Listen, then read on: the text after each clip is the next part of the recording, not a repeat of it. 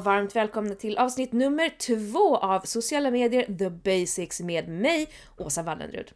I dagens avsnitt så tänkte jag försöka förklara lite grann om skillnaden mellan de olika sociala medierna. Det här kan ses kanske lite komplicerat, för det är kanske ungefär som att svara på eh, hur långt är ett snöre?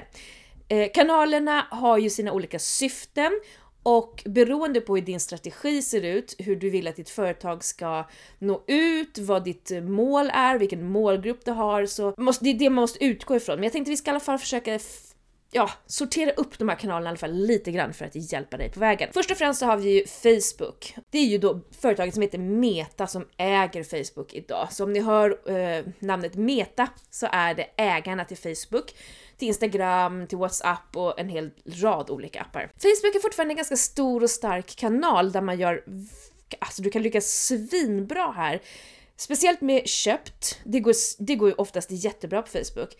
Organiskt, då är det här min plattform av choice. Jag tycker det är svinkul, men då måste du ju ha den målgruppen som är på Facebook. Alltså inte den yngre generationen utan ja, sådana som mig som är 40 plus eh, och uppåt är väldigt aktiva på Facebook. Men också personer som inte lever storstadslivet och inte lever det polerade livet, eh, utan mer den helt vanliga svennebananen som hänger på Facebook. Och det är så himla roligt. Det är här jag har skapat succéer med Blocket till exempel. Ja, så här, här, är, här, har du, här har du väldiga möjligheter skulle jag säga. Men det kommer ta lite tid och engagemang att jobba upp det här organiskt. Sen har vi Youtube som också är en, eh, eller det är en väldigt underskattad kanal som bara växer och växer och växer. Och Youtube har blivit väldigt mycket mer en slags TV-kanal, en streamingtjänst. Där du kan betala dig eh, fri från reklam till exempel. Och här hittar du ju precis allting, allt från do it yourself-videos till konserter, till utbildningar, till humor och sketcher, stand-up. Alltså du kan hitta så mycket här. Min sambo är helt hooked, han betalar för tjänsten och han tittar väldigt, väldigt mycket på Youtube. För att lyckas på Youtube rent organiskt så kräver det att du har ett ganska tydligt och bra koncept och att du laddar upp väldigt konsekvent. Um, och att din målgrupp finns här och att du promotar de här videosarna i andra övriga kanaler för att locka in dem till Youtube. Men Youtube är svinkul att jobba med. Sen har vi Instagram som ju då ägs av Meta också, som hör ihop lite med Facebook och Instagram är i allra högsta grad en väldigt stark kanal fortfarande. Däremot så har fokuset flyttats lite från flödet och upp till story och det är där många lägger sitt krut idag. Och det är också i story som du också kan vara lite mer eh, skapa, eh, skapa ett engagemang eh, med dina användare eller dina fans, dina kunder eller vad du nu kallar dem. Och för här har du möjlighet att ha frågesporter och utmaningar och frågestunder och en massa olika saker kan du göra där, vilket skapar det här engagemanget och delaktigheten. Och för, alltså Instagram har ju gått lite från att vara en, eh, en, eh, ja, en helt normal app till att sen bli så extremt polerat, allt ska vara så fint och vackert och alla lever i sin influencerbubbla till att nu liksom mattas av lite, att det finns både och. Att du kan lägga upp lite behind the scenes där man är osminkad och går i mysbyxor till att nästa dag lägga upp väldigt fint polerat och eh, välproducerat innehåll. Allt funkar och allt tas emot ganska väl, så att Instagram är en riktigt, riktigt bra kanal. Jag personligen är kanske inte den största instagrammaren i världen. Jag däremot kollar på stories flera gånger om dagen för jag tycker det är svinkul. Sen har vi gamla hedliga Twitter och det är ju en lite märklig kanal, eh, speciellt just nu i och med att en väldigt känd rik man har köpt Twitter. Det här är en väldigt märklig situation vi är i just nu när en människa på det här sättet köper loss en kanal.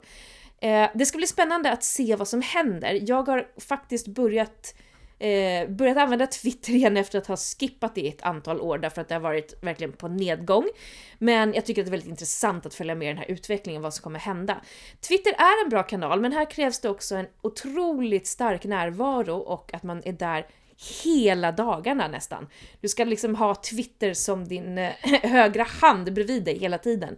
Eh, för att liksom ha någon chans här. Men det är ett väldigt bra ställe att föra debatt på, prata om politiska frågor, miljö och hållbarhetsfrågor och liknande. Det är väldigt kul att hänga med där. Eh, sen kommer ju då den här tjänsten som heter Snapchat. Här är jag inte särskilt hemma ska jag säga. Den här riktar sig till en väldigt yngre, mycket yngre målgrupp och jag som 40 plus har inga i min bekantskapskrets som har Snapchat. Så att det har varit lite svårt för mig att försöka ta mig in i den världen och försöka utforska den, men jag vet däremot att det kan vara väldigt, väldigt lönsamt att annonsera i Snapchat om du vill nå en lite yngre målgrupp. Så det är ett hett tips. Sen har vi naturligtvis min absoluta favoritapp av alla just nu och det är TikTok. Här kan man skapa underverk och det är så himla roligt. Det finns idag en hel radda människor som har gått från absolut ingenting till att skapa ett helt varumärke kring sin person bara på TikTok. Och det här har ju skett, hela den här explosionen har ju skett nu under pandemin när folk har varit uttråkade, de har inte haft något jobb att gå till eller de är liksom instängda hemma. Då har kreativiteten slagit in och man har skapat väldigt mycket content och det har flugit väldigt bra. De här som har gått så pass bra, de är ju då på engelska eller helt utan språk som Kabi Lame som är eh, han är en italienare mm, och hans videos har... Han har inte sagt ett ord. Man har inte vetat hur han har låtit, men han har, han har haft ett så tydligt koncept för sina videos att han idag är den absolut största TikTokaren i hela världen. Och som sagt, då har han inte sagt ett enda ord. Det är ganska imponerande.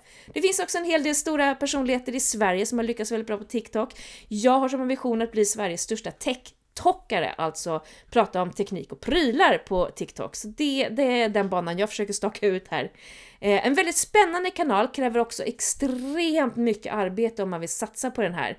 Det går inte att gå in lite då och då, lägga upp någon film och hoppas på det bästa, utan här krävs det också ett tydligt koncept och en konsekvent uppladdning av filmer och att du också kollar på andra filmer och ger dig in i det här och är delaktig. Jag kommer gå in väldigt mycket djupare på TikTok för att det är en fantastisk app och tjänst, så det kommer ni få veta lite mer om eh, längre fram. Jag tänkte bara avsluta här innan vi eh, lägger av eh, med den senaste rapporten från Svenskan och internet, som ju är en årlig rapport för att se hur svenskarna använder internet.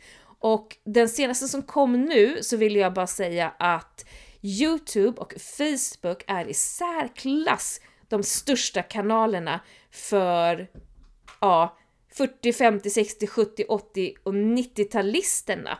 Eh, Instagram börjar komma ikapp där på 90-talisterna.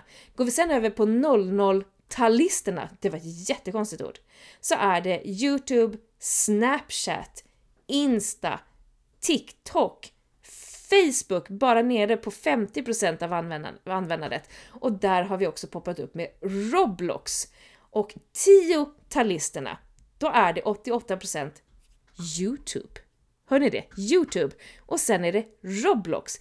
Vi är på väg in i en helt annan värld här. Och sen på delad tredje plats så har vi Snapchat och TikTok. Och Facebook, det är 2%.